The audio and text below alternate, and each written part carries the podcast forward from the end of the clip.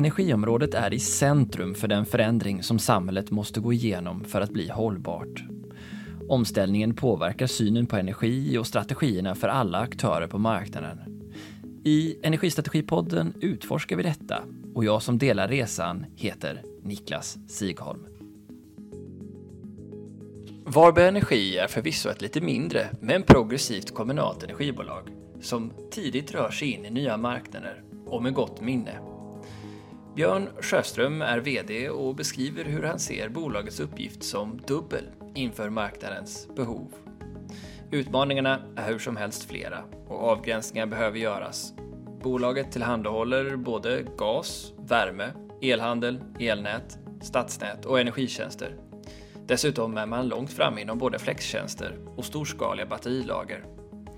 Vilka tankar är det som driver strategin? Och vad är skillnaden mot för ett år sedan? Kul att ha er med. Björn Sjöström, varmt välkommen till Energistrategipodden. Ja, men så himla roligt. Det är verkligen fram emot samtalet. Mm. Ja, men eh, detsamma. Och ehm, ska vi göra en tillbakablick. Vem är du och hur hamnade du som vd på Varberg Energi? Ja, vem är jag? Det, det, är ju ett livslångt lärande, det vet man ju knappt eh, än rent av. Men, men yrkesmässigt så, så började jag min bana på, på Ericsson. Jag jobbade mycket med eh, utveckling av hård och mjukvara. Och sen har det varit eh, väldigt mycket elproduktion. Många år på Ringhals i, i väldigt många olika roller. Både som eh, ja, teknikchef och, och ansvarig för Ringhals 1 under ett antal år och, och vice VD med ansvar för anläggningarnas utveckling styrelseordförande i Barsebäck Kraft under några år. En väldigt intressant eh, period och nu är jag väl inne på ja, vad är det, sju eller åtta år i... Åtta, ja, om jag har räknat rätt. Ja, åtta, ja, på, på Varberg Energi. Och det är galet roligt med eh, den här typen av bolag där man gör, gör mycket. Annars så, privat så bor jag utanför Kungsbacka med, med fru och barn och, och roar mig.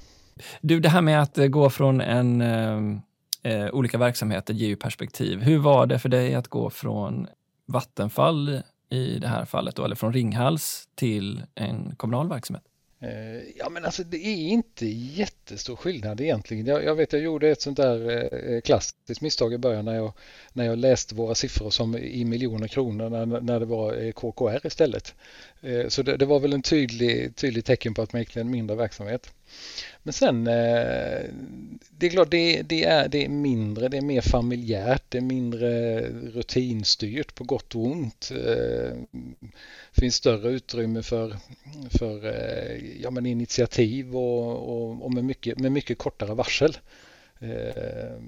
Men sen finns det många likheter. Jag menar då ägare som förväntar sig en, en avkastning och en utveckling och, och Sen är det klart ägarna är annorlunda och styrelsen är annorlunda i och med att de är, de är sammansatta på ett annat, på ett annat sätt. Så där, där, är det ju, där är det ju rätt stor skillnad att, att lära sig det. Men, eh, menar, över tid så tror jag nog att eh, skillnaden ligger i att det, det är lite lättare, åtminstone i Varberg, att, att få saker och ting gjorda. Eh, hyggligt stora frihetsgrader tycker jag.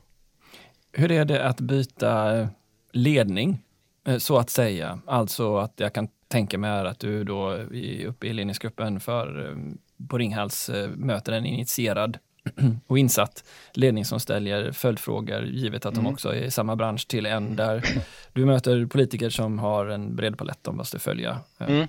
Mm. och som kanske inte nödvändigtvis kan eller har historien från energiområdet. Ja, men precis så är det och det är klart att all, alla människor behöver ju en, en, eh, alltså en bakgrund och förankring i, i, frågor som man tar upp men och här blir det mycket tydligare. Alltså jag ägnar mig, eller har gjort över åren, eh, mycket, mycket mer åt att ge bakgrund till och, och ett sammanhang i, i, frågor och försöka vara väldigt tidig med vad vi gör och varför vi gör det. Så att man, man får grunda på ett helt annat sätt eh, än, än, vad man behöver om, om, som du säger, man är verksam i, i branschen. Eh, och det, och det är klart, kommer man till styre så, så där, det beror ju väldigt mycket på men, men eh, åtminstone här har det varit så att stora delar av styrelsen har bytts ut vid tillfällen när, när det var ett val. Och, och det blir en speciell situation för det är, det är en riktig utmaning att, att eh, Ja, men för människor som har sina kompetenser men inte, inte inom energi och IT-bransch sätta, sätta sig in i all, ja, men det är mycket olika logik. Eh, alltså elnät det har, det har sitt sätt att fungera och fjärrvärme sitt och drar du fiber då är det någonting annat. Och sen säljer vi tjänster och så har du elhandel på det. Alltså det, det, det är ingen enkel uppgift och det, det har jag verkligen märkt att eh, det, det tar några år innan, innan eh, man kan minska på informationsdelen och, och mer kanske jobba rakt på och känna att det finns en, ja, men en ökad trygghet och förståelse. Mm. Vill du berätta lite för oss om Varberg Energi? Vad är ni för typ av bolag och vad omfattar ni?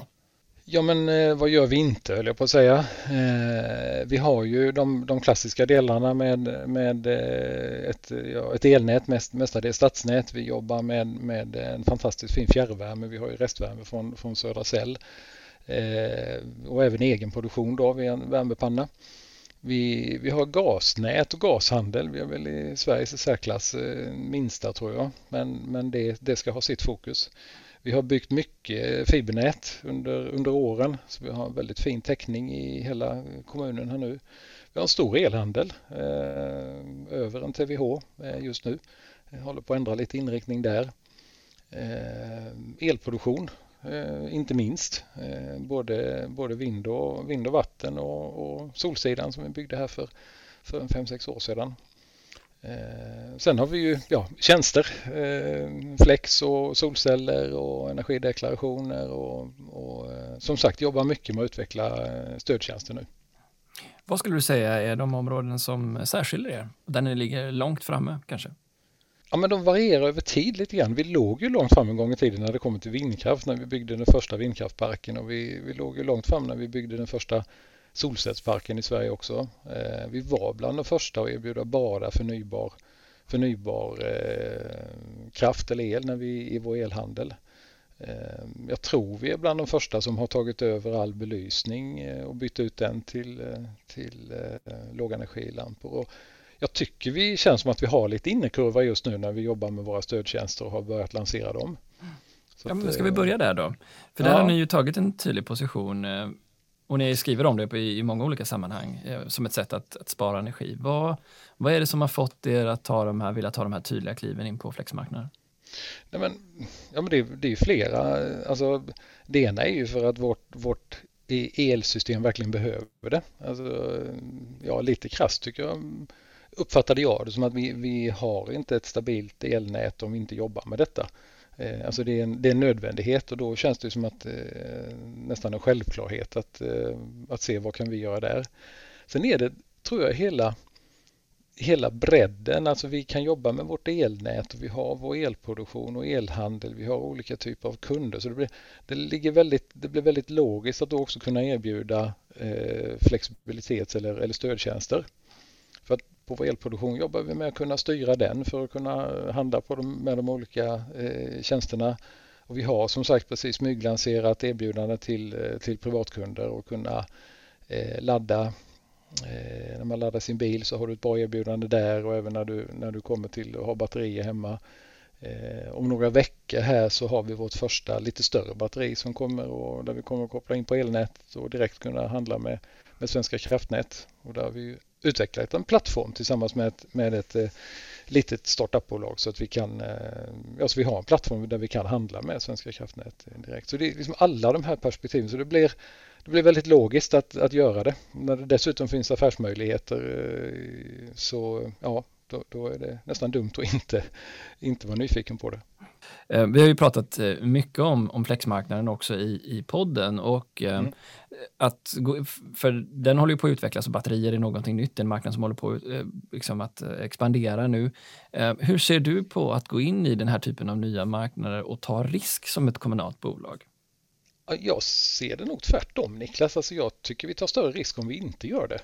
För det här blir ju ett, ett komplement eh, till det vi gör. Alltså skulle, vi, skulle vi släppa detta så är det ju snarare så att vi, vi, vi släpper en position där vi, där vi har alla möjligheter att, att jobba med den här typen av tjänster för att vi har, vi har liksom bredden och vi, jag tror i grunden att kan, kan vi bara vara, ha en, en bra vad ska man kalla det, förnyelsehastighet eller förnyelseförmåga så har vi ju kunskapen om alla de olika områdena även när det kommer till sektorkoppling. Vi, vi förstår liksom hur fjärrvärmen påverkar elnätet och vi förstår hur stödtjänsterna kan koppla till, till hela, alla de här eh, tjänsterna eller, eller nyttigheterna. Så jag, vi har faktiskt inte alls sett det som en, som en risk. Sen Risken ligger väl inledningsvis i att det, det, kalkylerna är svåra. Man vet ju inte riktigt var marknad och priset tar vägen men då försöker vi ha lite rimliga marginaler och det och ja, Så jag ser det nästan som en riskminimering faktiskt. Vart ser du att ni kan komma med eh, de här flexprodukterna och flexmöjligheten? Vad är er ambition? För det första så, så brukar jag inte sätta upp sådär vans, alltså man måste inte ha vansinnigt höga ambitioner och säga att nu ska vi bli marknadsledande eller något liknande utan vi försöker hitta rätt, rätt produkter och erbjudande först eh, och då märker vi också att det finns ett stort intresse. Men, men eh, ambitionen är ju att, att kunna erbjuda de här ja, överallt där vi kan så det, det är ju inte bara, det är inte bara lokalt. Och, och, det, är ju, det är ju både mot eh, näringsidkare eller industrier och, och privatpersoner. Menar du att ni skulle kunna konkurrera med andra energibolag i deras nät eller inte konkurrera? Om de inte har tjänsten så skulle Varberg Energi kunna ha flextjänster i, vad vet jag, Borås eller Skövde eller Falkenberg? Ja, ja men varför inte? Eller, eller samarbeta med. Eh, alltså vi, vi, har ju, ja, vi har ju släppt den, de första versionerna av vår, av vår Flex-app och där, där finns mycket mer att, att göra i den men, men eh, där hoppas jag det kan finnas eh, fina samarbete. Så, för det, är det någonting som, som verkligen är en kärna för oss så är det ju just ja, kalla det strategiskt samarbete eller, eller goda samarbete och skapa relationer på olika håll för att, för att verkligen få det att hända. Så att, eh, och det är väl ungefär, alltså de här produkterna är ungefär som elhandeln, den, den är ju nationell.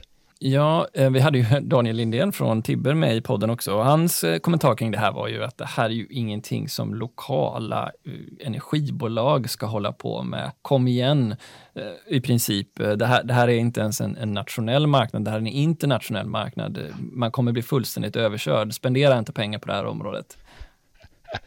Tänk vad förvånad han kommer att bli. Ja.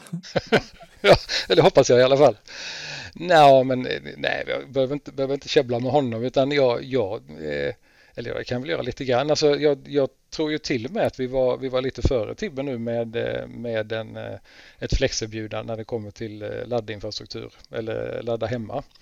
Eh, nu tror jag att eh, Tibbe har väl kommit med något precis den senaste veckan men vi lanserade nog vår tidigare. Så ja, det är väl inget, det, det är väl inte skrivet i stjärnorna att det är på det viset med, med all respekt för, för eh, allt vad, vad Tibber gör och de har ju varit superduktiga på att hitta en, en marknad. Men lite som jag var inne på tidigare, dels så tycker jag vi är hyggligt snabba, vi hittar samarbete. Eh, och sen har vi någonting som kanske en del andra bolag inte har. Det är den här. Vi har en infrastruktur, vi är, vi är duktiga på det, vi förstår helheten. Så att kan, kan vi bara vara, vara rappa i det så har vi väldigt mycket kunnande i att eh, kunna skapa de här tjänsterna. Så att, eh, nej, det, det, eh, det får stå för honom, så känner inte jag. Jag frågade honom också om det här med, med prissättning och lönsamhet kopplat till kund, om man bjuder in dem till att vara en del, eller deras anläggningar i alla fall, vara en del av, av, av flexibilitetstjänsterna. Och då så, mm, så svävade han lite på molnet där och sa vi vet inte riktigt hur den här marknaden kommer att utvecklas igen, så vi får se hur, hur den affären kommer att se ut i framtiden. Hur mm. ser du på det där?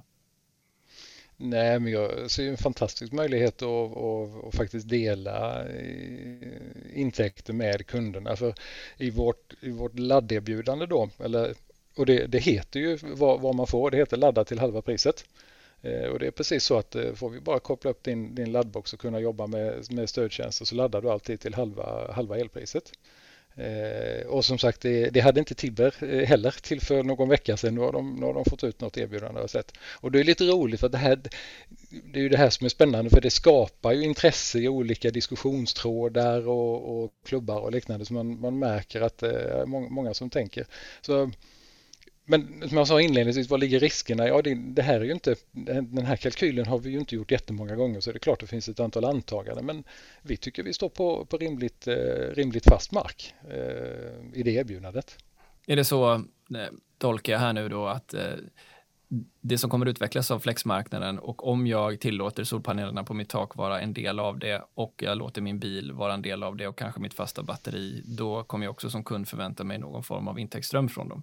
Ja, men det är väl helt, eh, helt klart. Man kan ju ställa sig frågan Ja, vad, vad händer med mitt batteri och vad händer med min utrustning och, och sådana här saker. Men, men eh, kommer du till där vi börjar nu med frekvensstödtjänster så handlar det ju inte om att eh, tömma, tömma batteri, eller bilens batteri på, på någon energi utan det handlar om att kunna jobba med din, din laddbox i kanske 15-20 sekunder och, det, och det stör liksom ingen. Så att jag tror när man, nej men än så länge i de här första kontakterna så, så tycker vi nog att eh, kunder eh, ja, men förstår det och, och, och, förstår upplägget.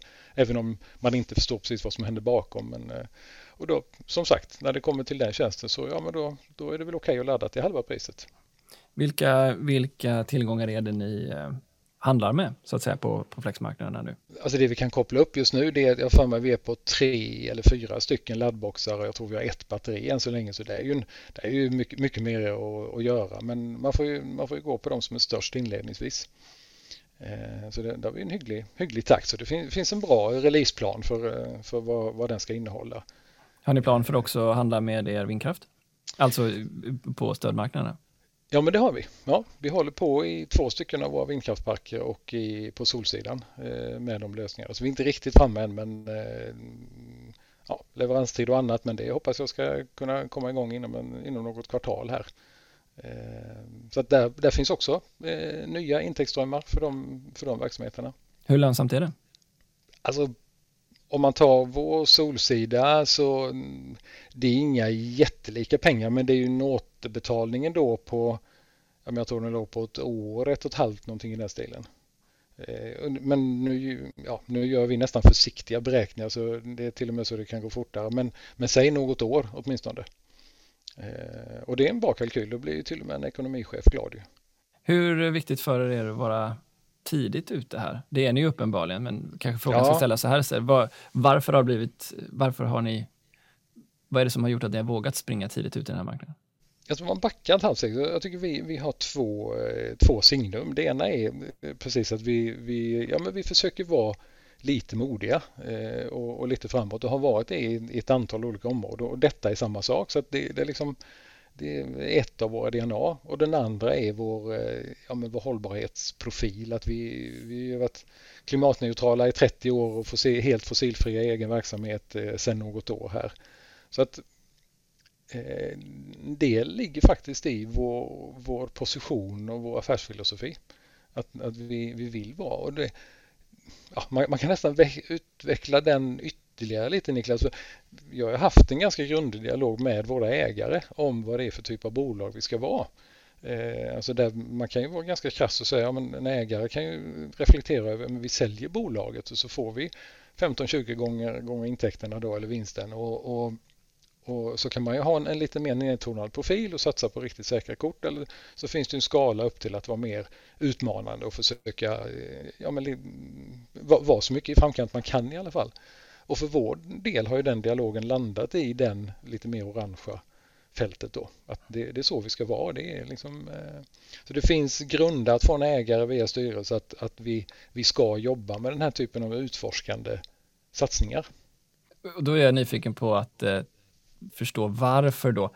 Um, vad är det ni har sett? För vi, vi kan ta några olika exempel då, där du mm. å ena sidan då kanske har Trelleborg som säger att vi ska göra också det, vi ska vara möjliggörande för staden, men för att vi ska få liksom, tillräckligt med pengar och muskler att finansiera det så säljer vi av vår värmeverksamhet eh, till då andra kommuner som säger att ja, vi ska, vi ska tillhandahålla liksom hela portföljen från avfall och, och sortering, hushållsinhämtning till eh, parktjänster och bredden kommer ge oss styrka att, eh, att göra allting. Och var, var någonstans hamnar ni i liksom, eh, extremen då vi, vi, vi, vi sourcar allting som vi kan lägga pengar på just modernisering av staden och energitjänster till vara den här breda eh, konglomerattjänsten som tar hand om, om, ja, alla nyttigheter ja, i staden. Ja, och det är, det är en jättebra fråga. Jag vet inte om vi är helt rätt där, men just nu så är vi väldigt breda.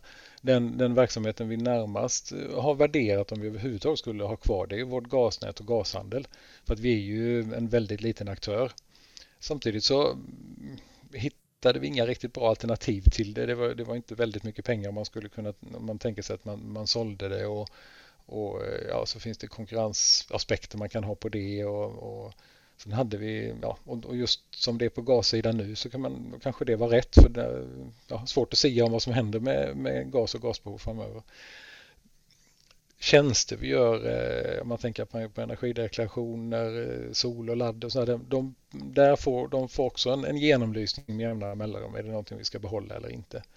Men, men än så länge så, så har, vi ju, har vi ju landat i att det är den här bredden som är bra.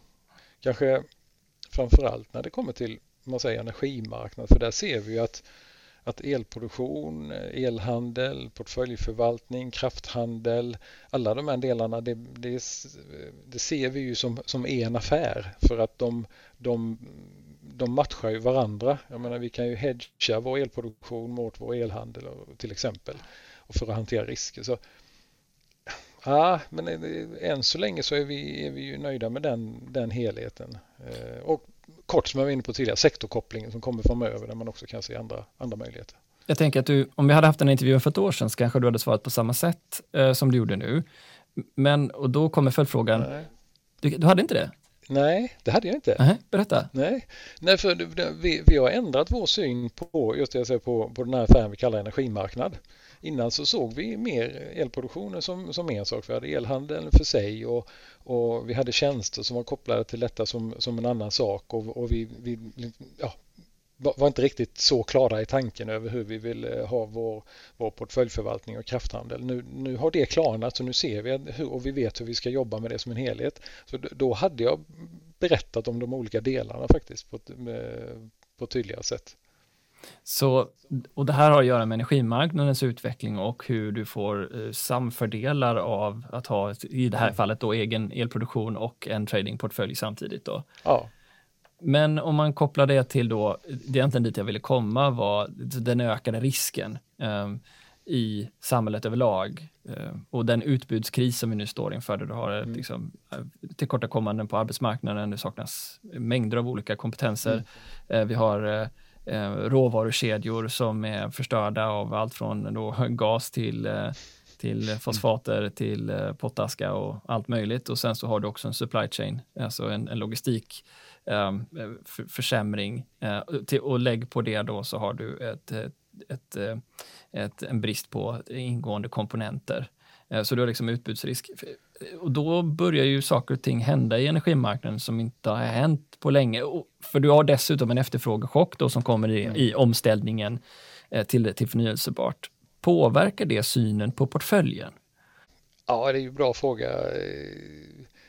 Alltså vi, det, det, alltså den är tvåägg, tvåäggad för det, det, blir ju båda delar. Å ena sidan så har vi, har vi kanske större risker för vi har många olika verksamheter eller nyttigheter som vi ska hantera. Samtidigt så, så brukar de inte ligga i fas utan de tar ut lite varandra. Så jag, jag tror både inom bolaget och när du kommer till ägare och styrelse så ofta så faller man tillbaka på att vi, ja men det, det är sällan allting går bra samtidigt men, men å andra sidan går inte allting dåligt samtidigt heller utan det blir en bra, en bra styrka så länge vi förmår hålla ihop det. Jag, jag tror väl att alltså någonstans så finns en bortre gräns för detta för det, man har någon sån här span of control som inte är, är, helt enkel. Vi är ändå, jag menar för vår del är vi 120 personer eller medarbetare då som, som ska hantera detta och det är klart att och det är därför jag säger inledningsvis att det, det som är så viktigt för oss är att hitta goda samarbete. För vi klarar väldigt, väldigt lite, vi klarar mycket själva men, men ska vi göra Ska vi både ha stabilitet i det vi gör, klara av att accelerera och hålla en, en liksom god kultur, ja men då, då måste vi kroka arm med många och det, det är kanske det enskilt viktigaste. Om vi tar en av de produkterna som vi tänker oss är utsatta för mest risk nu och vi pratar om gasen då, och tillhandahållare mm. gas, så har ni biogas som då kommer från Danmark bland annat. Ja.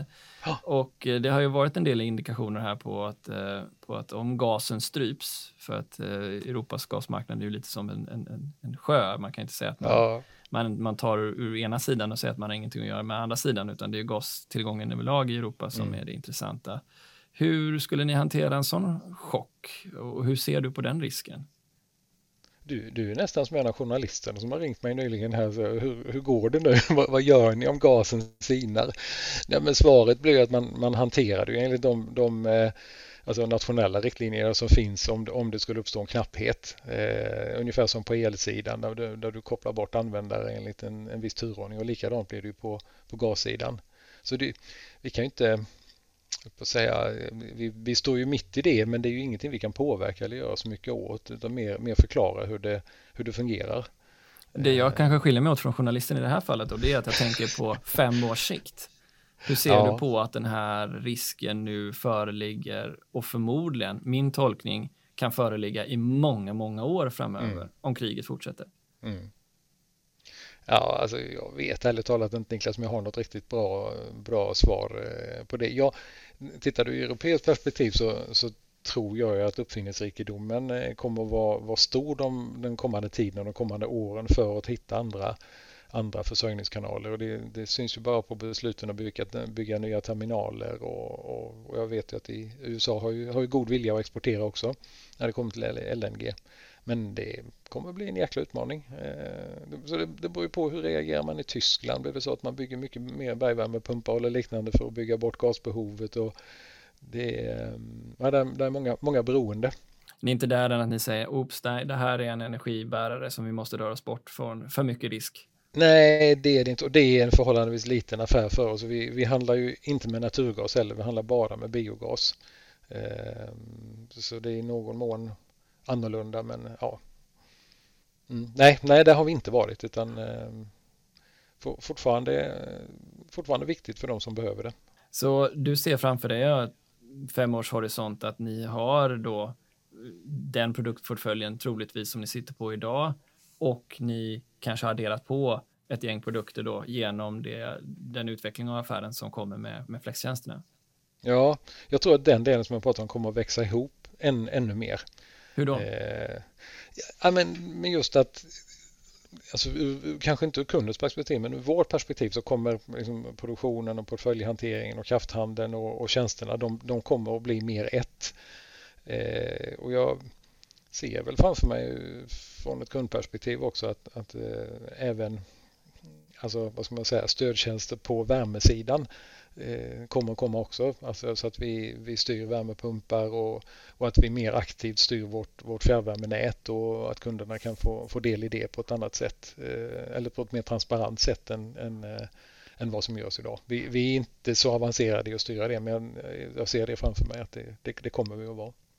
Hur är det då på elhandelssidan? Ni tog ju ett rejält skutt från 2020 till 2021 med en ökning på 400 miljoner i, på koncernen som, om jag förstod årsredovisningen rätt, i huvudsak eh, är härförlig till, till just elhandelssidan. Ehm, och min fråga blir så här, kopplat till, till ägar, ägarledet och förståelsen för vilken typ av eh, de facto risk och finansiell risk man tar på elhandeln. Hur, hur hur ser du på den affären och hur går diskussionen med ägarna givet risken och volatiliteten på marknaden? Ja, ja men det, det är ju huvudet på spiken. Alltså är det, är det någonstans vi har eh, dialoger och, och, diskussioner så är, det ju, så är det ju där.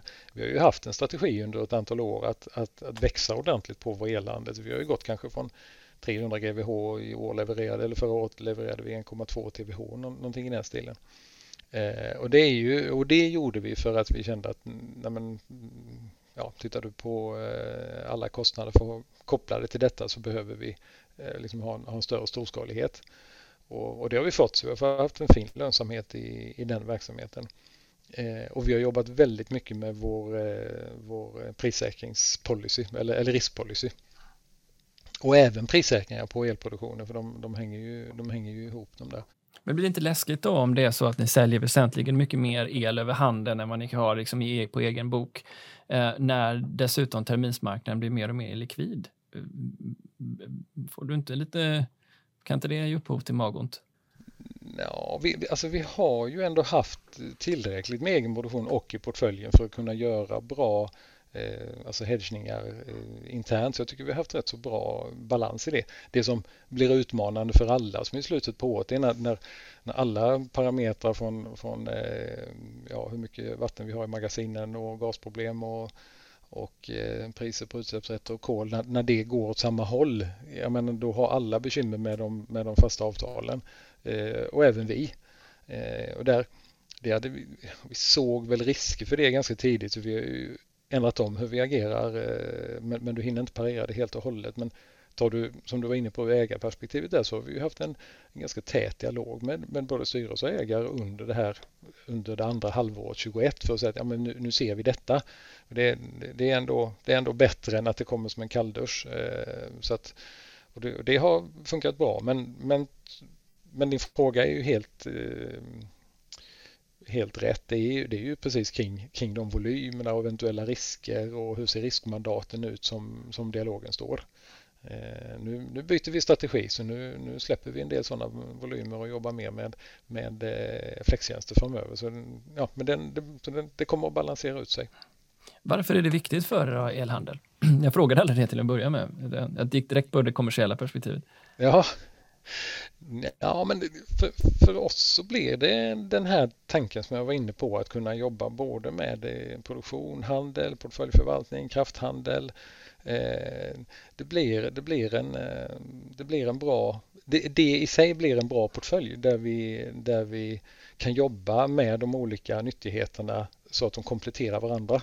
Vi, vi kan ju liksom hedga risker i elhandeln mot elproduktionen och, och vice versa. Och det är säkert inte alla som håller med om att det är det bästa sättet att jobba men, men på det viset så, så släpper man inte säga, den, den marginalen till externa aktörer heller. Vi, vi, vi, tror på det upplägget. Jag tänker så här, för många som har svarat på den frågan har ju gjort det ur ett brand awareness perspektiv och sagt att den här elhandeln ger oss en form av kundkontakt och en marknads marknadsnärvaro som gör att vi får en eh, enklare få en relation till våra kunder. Men du, du tänker säkert också så, annars får du rätta mig, men det du lyfter upp här är ju förmågan och kompetensen det ger er att kunna agera inom andra närliggande områden. Förstår jag det rätt ja. då? Ja, ja men, och det är för jag tror vår bärande tanke är att det blir att energisystemet det håller verkligen på att växa ihop. Eller jag, jag tror vi har verkligen ställt oss i den hörnan att det här är inte del för del längre. Det går inte att plocka bort. Det är klart det går, då har man en annan verklighet att jobba med. Men vi, vi tror mycket på den, den helheten. Och sen för att, att,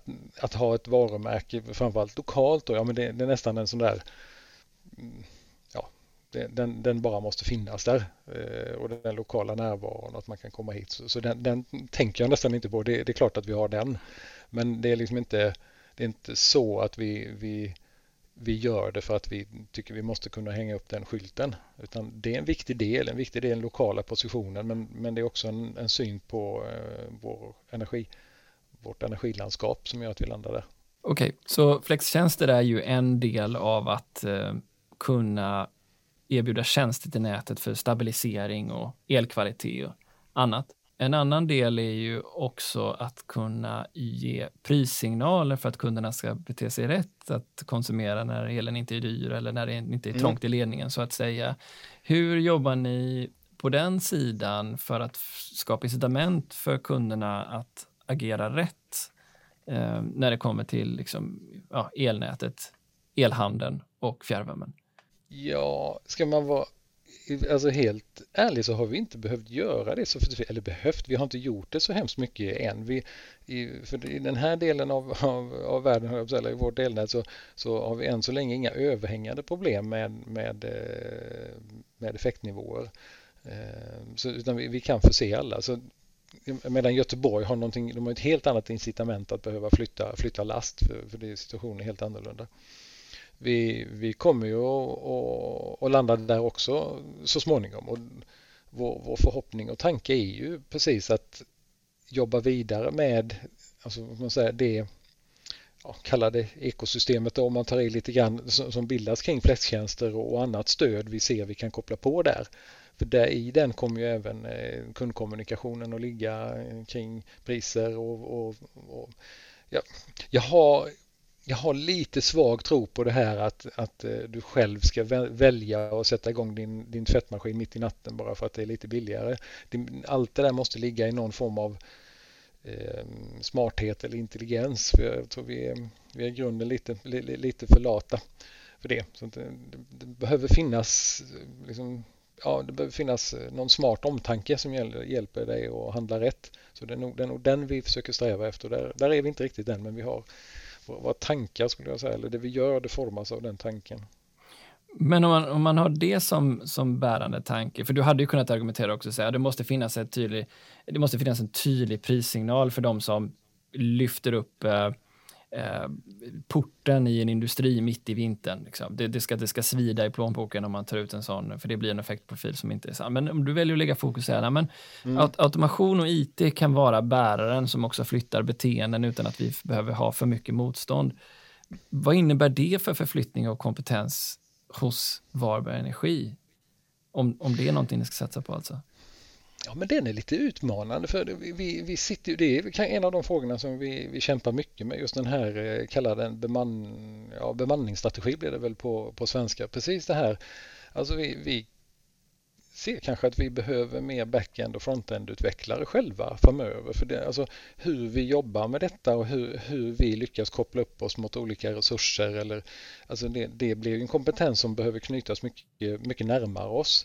Och så får ju det ställas mot ja, vilken miljö kan vi erbjuda riktigt duktiga personer som, som har det kunnandet. Hur länge varar det? Men, och då är det tillbaka till det jag varit inne på flera gånger nu. Alltså hur hittar man de här goda samarbetena också? Det är inte bara att ja, men vi köper någonting av er så, så får ni leverera det här utan det är verkligen att kroka arm och kanske ha en längre relation för att ja, men nästan ha en extern del för extern del som nästan blir som en intern del. Man, för att det blir bästa sätt att sourca den typen av kompetens. Upplever du att ni går från att vara ett business to consumer-företag till mer av ett business to business-företag i den bemärkelsen? Ja, i det perspektivet gör vi det. Mm, absolut. Och då blir man intresserad av att förstå vad, hur påverkar det din syn på organisation? För om du ska ha ett business to business samarbete så är det ju inte en kundkontakt du har utan då behöver du integrera flera funktioner om du ska ha ett partnerskap. Inte ja, bara hur vi marknadsför det här tillsammans utan också hur vi tekniskt knyter oss samman till hur vi eh, jobbar med eh, eh affärsutvecklingsplaner. Jag kan tänka mig flera sådana områden. Hur, hur går tankarna där kring det då för att kunna kroka arm med de här partnerserna? Du, du har så många bra frågor. det finns inte svar på alla riktigt Niklas. än, än så länge ska jag säga, jag, jag tror min, min eh, grundfilosofi har varit att ja, men försöka hitta de här ja, men rimligt tydliga affärsområden eller, eller affärer. För vi, vi, styr, vi styr bolaget inte alls på organisationen givetvis utan helt på våra olika affärer. Eh, och, och försöka göra dem tydliga och, och relativt starka och, och sen så jobbar vi mycket med att hitta, hitta liksom stöd till det på rätt sätt så att affärerna som så långt det går liksom kan sköta sig själva och utveckla sig själva i, i ettårshorisonten. Men, men när det kommer till, ja, men om vi nu säger att det här med stöd och flex är, är en lite större steg, ja, men då behövs någonting annat också för att kunna utveckla det och bära in det i de olika affärsområdena. Så där måste det finnas eh, liksom en, en eh, utvecklings hållbarhetskompetens eh, och kunnande för att, att stötta det. Eh, så än så länge är det nog relativt klassiskt skulle jag säga. Eh, vi har liksom inte kommit på någon, något, något helt annat revolutionerande än. En utveckling som ju det här driver mot, eh, ytterligare en utveckling som det här driver mot, menar jag, är ju att du får ett mer decentraliserat energisystem um, överlag, om man nu tänker sig den enklaste formen för mm. 70-80 år sedan, en central anläggning med ett nät och du distribuerar ut all energi och så tar alla emot det. Medan nu då så går det mot en, en allt större och allt ökad komplexitet förvisso, men också kanske en riskreducering. Är det här är, är, synen på risk i var ni har så att säga era anläggningar någonstans också någonting som spelar in i de här valen? Ja, men det är det. Vi, vi jobbar ju mycket med eh, leveranssäkerhet över, överlag i, i alla näten. Det är väl det är en av de faktorerna som, alltså om man, man eh, tittar på vad, vad, man normalt sett rapporterar till en styrelse så är det klart vi har ju några sådana parametrar men framförallt är det, är det säkerhet och tillgänglighet. Ehm, så kom tillbaka till det, vi, vi jobbar ju med alltså stabilitet, acceleration och, och kultur och det, så det, det fokar väldigt mycket på de områdena. Så att hur vi... Eh, så, så där, ja vi försöker eh, säkra eh, både leveransförmågan och vad ska man säga, motståndskraften i våra nät framför allt och även i produktionsanläggningar väldigt mycket för som sagt systemet växer och, blir mer sårbart. Men om man då tänker så i förlängningen så sitter ni ju på några sådana här, det här är en specifik leveranspunkt som skulle kunna om den faller bort bli en stor liksom, knäckfråga mm. för till exempel i ert stora spillvärmeavtal som ni har. Ja. Jag vet inte, påminner mig om hur stor andel av ert totala värmeunderlag som, som eh, kommer från partnerskap? Ja men 80 procent ungefär. Hur tänker du då när du exempelvis ser eh, Borlänge som som ser att Kvarnsveden lägger ner på tre månaders varsel och Sundsvall som också eh, liksom drabbas av snabba omställningar. Hur, hur, hur, hur, hanterar ni en sån risk strategiskt?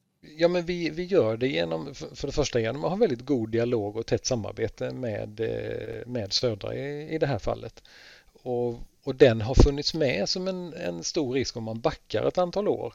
Nu har den minskat för att eh, åtminstone under en tid för Eh, anläggningen här byggs ut så det är, vad är det, världens eh, fjärde, femte största fabrik någonting i den stilen och det, och det satsas bara mer med, med sågverk och liknande runt omkring så vi, vi ser ju eh, ja, allt och ingen och sådär. Det är så alltid svåra ord. Men just nu ser vi väldigt låg risk i, i att det skulle ändra sig i grunden.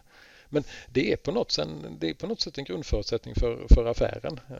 Så jag tror att man får, man får välja och acceptera den och sen så försöka jobba, jobba med den. Annars så sover man inte så gott på nätterna. Det känns som att eh, många delar av, av från många energibolag, eh, med rätta kanske då kan man säga, att så har man i debatten att eh, problematiseringen, säga, problematiseringen kring att de planerbara resursernas affär undermineras och de mer variabla affärernas eh, stärks i den meningen att eh, kraftvärmen då, menar vissa, har fått eh, liksom ökade pålagor, man får inte eh, möjlighet kanske att, eh, eller man beskattas på sätt som gör att det blir dyrare, utsläppsrättshandeln stiger. Mm. Ehm, och det verkar som att det ni gör är att säga, men då förflyttar vi oss bort från det. Är det det som pågår hos er? Är det den tolkningen ni har gjort eller är det en överdramatisering på min sida? Nej, men, ja, men lite åt det hållet. K kanske inte att vi, vi själva hade uttalat det riktigt så, så tydligt. Nu, nu har vi ju ingen kraftvärme själva. Eh, utan det är, ju, det är ju bara ren... Eh, ja, men fjärrvärmen då? Ja, Likadels? Ja. Mm. Eh, ja, men, men lite åt det hållet. Jag, säger det, men jag, jag, jag tror det, det, det, är viktigt att, att, bara se de riskerna i, i vitögat och så försöka jobba, jobba med dem. Och, man sa, det, jag, jag tycker vi hittar sätt att balansera dem mot varandra. Eh, jag tror det ibland är det svårare om man, om man delar upp det och tittar, tittar på var och en. Eh, rätt eller fel. Men eh, ta en sån rapport som, som Klimatpolitiska rådet gör eh, av, av, sin prognos där som visar på ja. att eh, fjärrvärme minskar fram till 2045 och man står i TV4 och berättar om det här och du läser samma sak egentligen, Energiforsk rapport, du läser samma SVKs rapport och sådär. Och, och det, i dina industriella affärer så, så är det 40 år fortfarande, 40-50 år som, som investeringarna ska hålla över tid. Mm. Eh, hur är det strategiskt att navigera med att sitta med en sån liksom, traditionell, klassisk liksom, infrastrukturportfölj liksom, i, i tyngdvikten mot det du nu bygger som är mer decentraliserat, flexibelt, autonomt och ja. Ja, nej men precis. Och dessutom håller vi på att etablera fjärrkyla som är, som är ännu, ja, som är ytterligare en, en stor infrastrukturtjänst. Men jag tror att man, eller vi, vi väljer att titta på våra lokala förutsättningar. För, eh, området eller eh, Varberg kommun det växer med storleksordningen tusen, eh, tusen invånare per år och, och, det är en oerhörd skjuts i etableringar. Så klart, det, det, kan vara lätt att bli lite blind i det men det tycks inte minska på ganska många år. Eh, och, det, och, det, är lite svårt att se i korten också för att jag menar hela västkusten från, från ja, norr om Göteborg och neråt Helsingborg är en attraktiv eh, plats. Så att, vi, det, det, är ju nästan, vi gör ju tvärtom Niklas. Vi, vi bygger ju, har ju beslutat om, om ganska långa ledningar både norrut och förhoppningsvis söderut också nu. Vi ser ju ett starkt ökat kundunderlag plus att för man säga, vi, vi har en stark marknadsposition för vår fjärrvärme och, och eftersom vi har eh, ja, vågar jag säga Sveriges bästa fjärrvärme när, när, det, när det kommer till hur, eh, hur klimateffektiv den är. Så, men den är fantastiskt bra i alla fall. Så är det ju det, det, är ju eh, en stark produkt att erbjuda kunderna. Och, men, men då kombinerat med som jag var inne på att om vi då kan liksom ha lite flextänkande även på fjärrvärme så småningom och se att du kan erbjuda andra värde till kunderna för att kunna styra, styra ett nät och, och, och, jobba med det så mm, det, det, den har eh, många fördelar. Ehm, ja, det, det, är jag ju. Det tror jag, det är, de flesta, det är jag och de flesta lyssnarna är liksom helt med dig på. Men för, förklara då det här som jag inte riktigt förstår.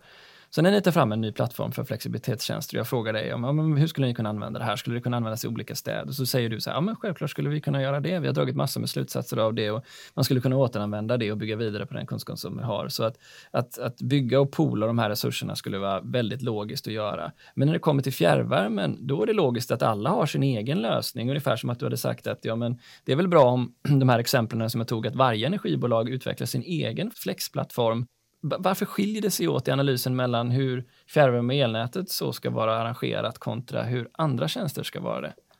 Ja, det är nog, det är nog mycket som ligger bakom det. det det leder nästan till, till tradition och, och, och varför, vill, varför vill kommuner äga sina energibolag och, och jag, jag, jag tror egentligen att, att vi är för många energibolag. Så det, det du liksom som ligger i din fråga då, att ja, men, men jag tror det är för plottrigt idag och jag, jag, tror också att marknaden kommer att det kommer att se annorlunda ut. Sen är det väldigt svårt att ha ett tidsperspektiv på det. Men är vi 150 energibolag idag kanske vi skulle vara 75 eller 50 för att för att faktiskt riktigt få utväxling i detta. Men så länge, så länge vi har välmående bolag och du har kommuner och ägare som känner att de, de har en, en, eh, vad ska man säga, en, en möjlighet att, att eh, råda över prissättning och, och liksom den, den god, god service till kommunens invånare och ja, men hela den här hela den här ägarkänslan som, som kanske kom till uttryck i Öresund, när Öresundskraft var till, till salu. Så, så kommer det nog inte att hända. Men men eh, jag tror absolut att det, det, finns självklara fördelar att göra lite större enheter. Sen måste de inte bli hur stora som helst. Så att, jag, jag, jag, ser ingen, men jag håller med dig tror jag. Eh, I eller inte tror, utan jag håller med dig. Alltså det, hade, det hade varit bra att ha, ha större, större enheter. Okej, okay, ja men då blir det mer förståeligt ja, för mig då. Ja. Eh, för då glider jag över på en annan fråga som egentligen blir så här, okej okay, men vad är dina trösklar här nu då? För att det du beskriver är ju delvis en transformation av Varberg kompetensmässigt och du ska hitta de kanske egna frontend och backend-utvecklare. Och, eh, den automation som du beskriver av marknaderna, den kommer ju likväl vara en potential för all din intern, alla dina interna processer och styrning och övervakning. Mm. Hur, hur tänker du när, i den förändringsresan mot ett mer digitalt autonomt bolag på en allt mer komplex energimarknad? Ja, men det är ju bara svett, på att säga.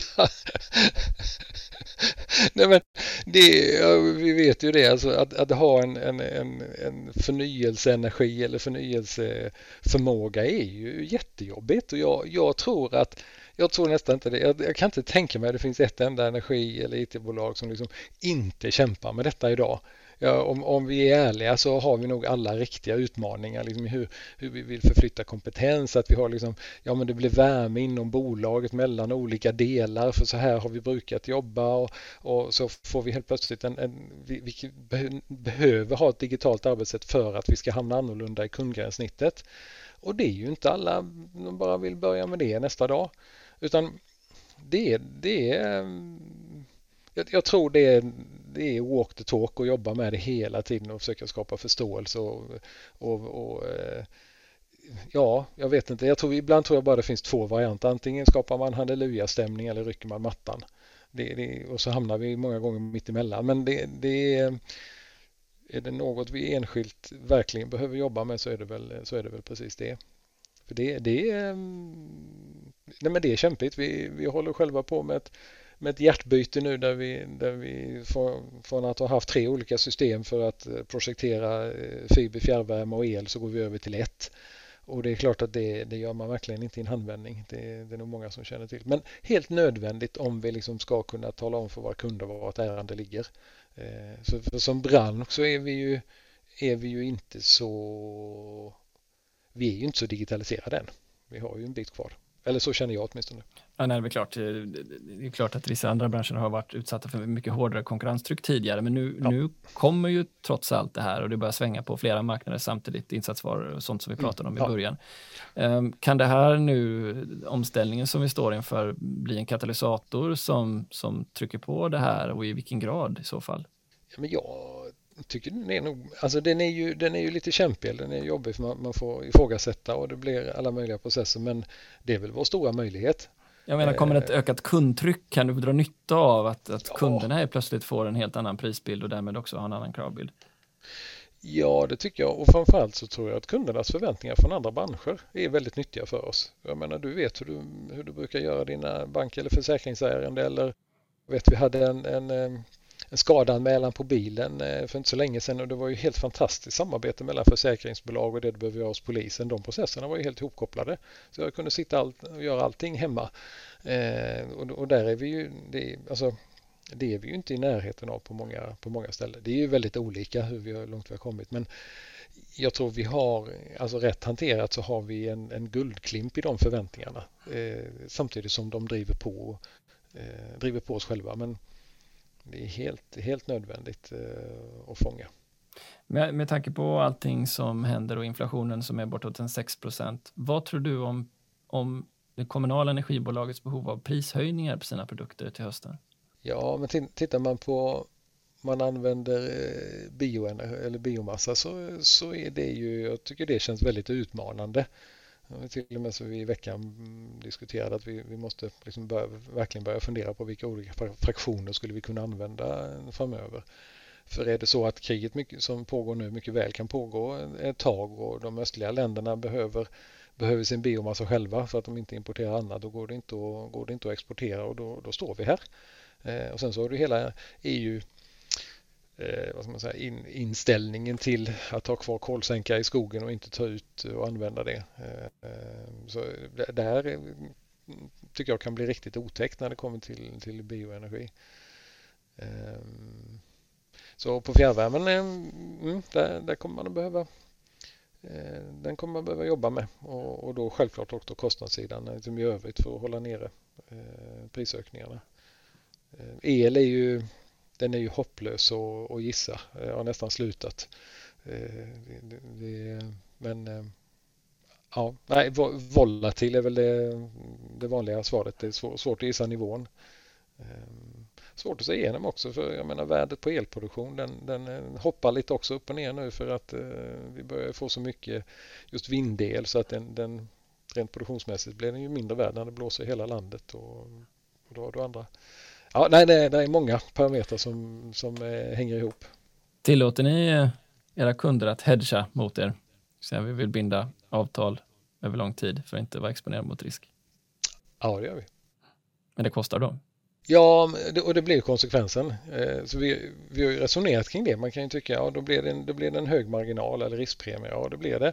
Samtidigt så är det ju många av våra kollegor som har slutat erbjuda det. Men vi, vi tycker att vi har, alltså vi tycker att vi har ett, ett samhällskontrakt eller ansvar som ändå säger ja, men vill du göra det och bli av med risken då ska vi ändå erbjuda möjligheten.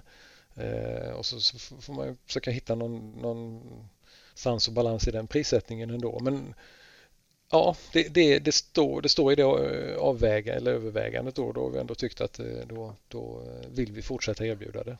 Många av de städerna som jag har pratat med, eller energibolag från olika städer runt om i landet, har ju olika historier om, eh, om den ökade energianvändningen nu och hur den ja. liksom påverkar staden. Uh, och att det liksom är en dubblerad energianvändning lokalt. Hur ser det ut i Varberg med tillväxt? Finns det stora, stycke, stora aktörer även hos er som vill etablera sig med stora behov? Eller hur ser det ut med, med efterfråganstillväxten? Det är ju inga stora industrier oftast i, i Varberg utan det är, det är mycket mindre näringsidkare. Så det, det, är sällan det kommer eh, alltså större industrier som, som eh, etablerar sig på det viset. Så att än så länge så tycker jag att vi, vi klarar det hyggligt, hyggligt väl. Eh, men det kan ju ändra sig från ena dagen till den andra. Det är, det är inte så att det bara går att öka öka effekten. Utan, eh, samtidigt så eh, det vi försöker göra, vi har en upphandling nu som, där vi precis har fått in svar på ett större nätbatteri på ja, storleksordningen 10 megawatt. Och det, är, det är ett sätt för oss att, att kunna hantera ett ökat behov utan att för den eh, saken skulle öka abonnemanget. Var det ert eget batteri eller var det några? Vårt, e äh, vårt ah. eget batteri. Mm. Mm. Just det. Så det, det är ett konkret sätt att, att jobba med det. Och, och det andra är som jag är inne på med, med fjärrvärmen. Vi, vi försöker vara oerhört aktiva och, och tala om att vi, vi ska inte använda fjärrvärme eller vi ska inte använda el för att värma hus utan vi ska använda fjärrvärme. Och där, den försöker vi påverka eh, eh, överallt och alla vi, vi kan då. Får ni fastighetsägarna med på det? Ja, men i, i stor grad. Ibland så är det ju Boverkets eh, investeringsbidrag och annat som stökar till det så då, då går det liksom inte. Men, men väldigt ofta så, så får vi det ändå. Så vi, det, är en, det är en stark produkt. Och framförallt när man börjar resonera, och även mot politiker som säger att ja, men, An, använder vi inte den då är det detsamma som att tacka nej till framtida etableringar för det är inte säkert att vi kan garantera det energibehovet och så vidare. Och då, om igen, då blir det ett energisystem av det och då kan man förstå lite mer varför vi är väldigt måna om det. Så att vi, det är inte så att vi bara pratar för vår egen sjuka moster när vi tycker om fjärrvärme utan det, det, finns, det finns samhälleliga, sunda samhälleliga mm, eh, skäl för att göra det.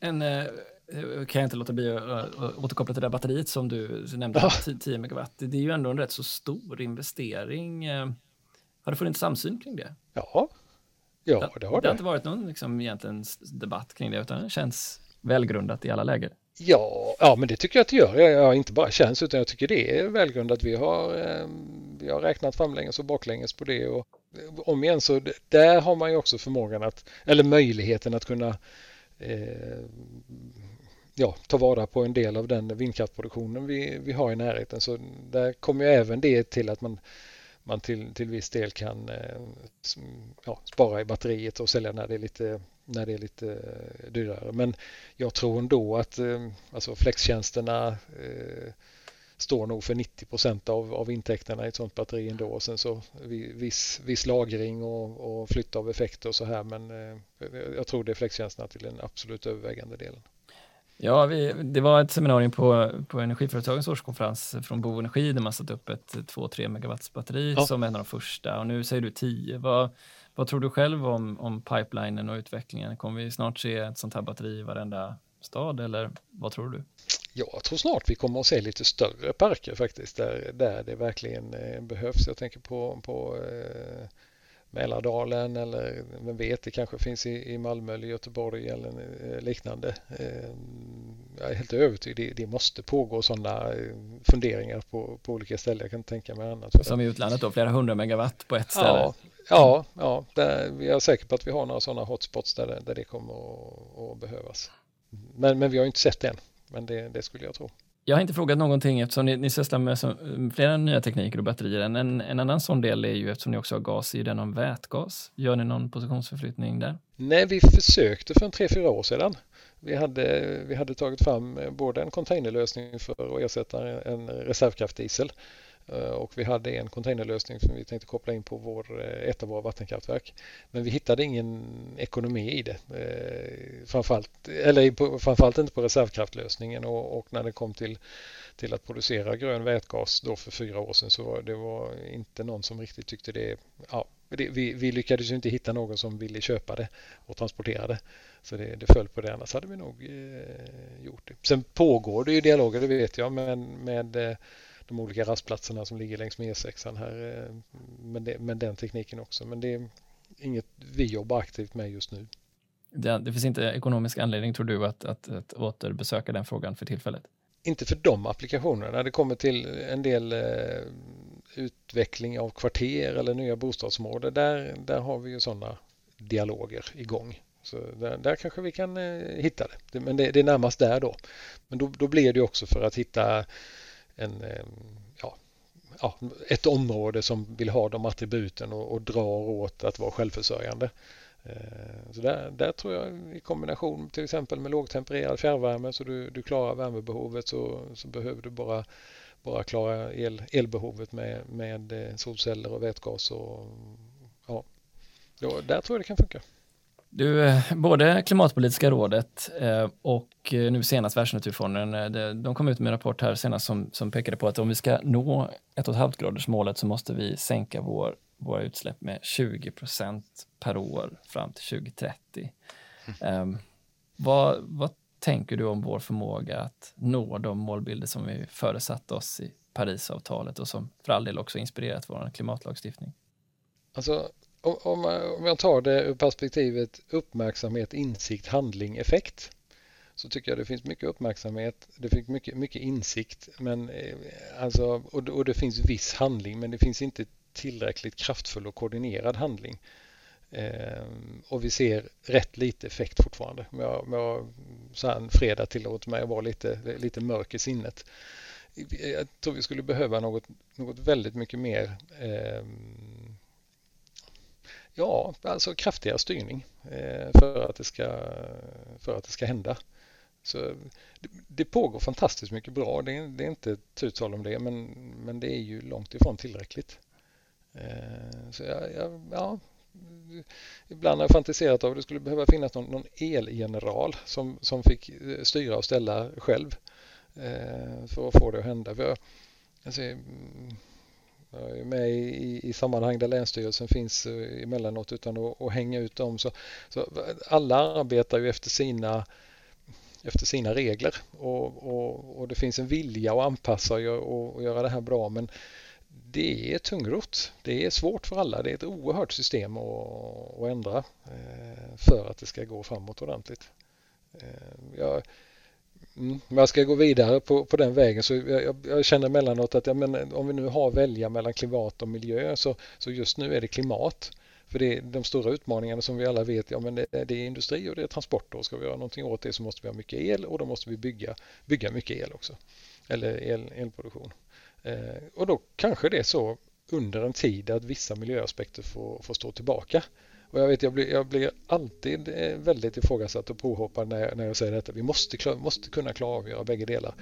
Men jag tror inte det riktigt just nu. Eh, jag tror vi måste fokusera på att lösa de här klimatutmaningarna för annars behöver vi i slutändan inte fundera på miljö, miljödelarna heller. Nej, det, det saknas fortfarande någonting. Det är oerhört mycket goda initiativ och jag menar Fossilfritt Sverige och massor med företag som gör, gör mycket. Men eh, det är just det här få full effekt av detta, få full kraft i det. Där är vi verkligen inte än. Björn, tusen tack för att du var med i Energistrategipodden. Tack så hemskt mycket. Det var ju hur roligt som helst detta. Det tycker jag också. Nästa vecka går vi in på lantbrukets roll i omställningen tillsammans med Alarik Sandrup som är chef för Public and Regulatory Affairs på Lantmännen. Och det är inte vilken organisation som helst, utan en av Sveriges bjässar. Det blir en mycket lärorik timme om lantbrukets roll, behov och potential i relation till energi och klimat. Hoppas vi hörs då. Ha det bra!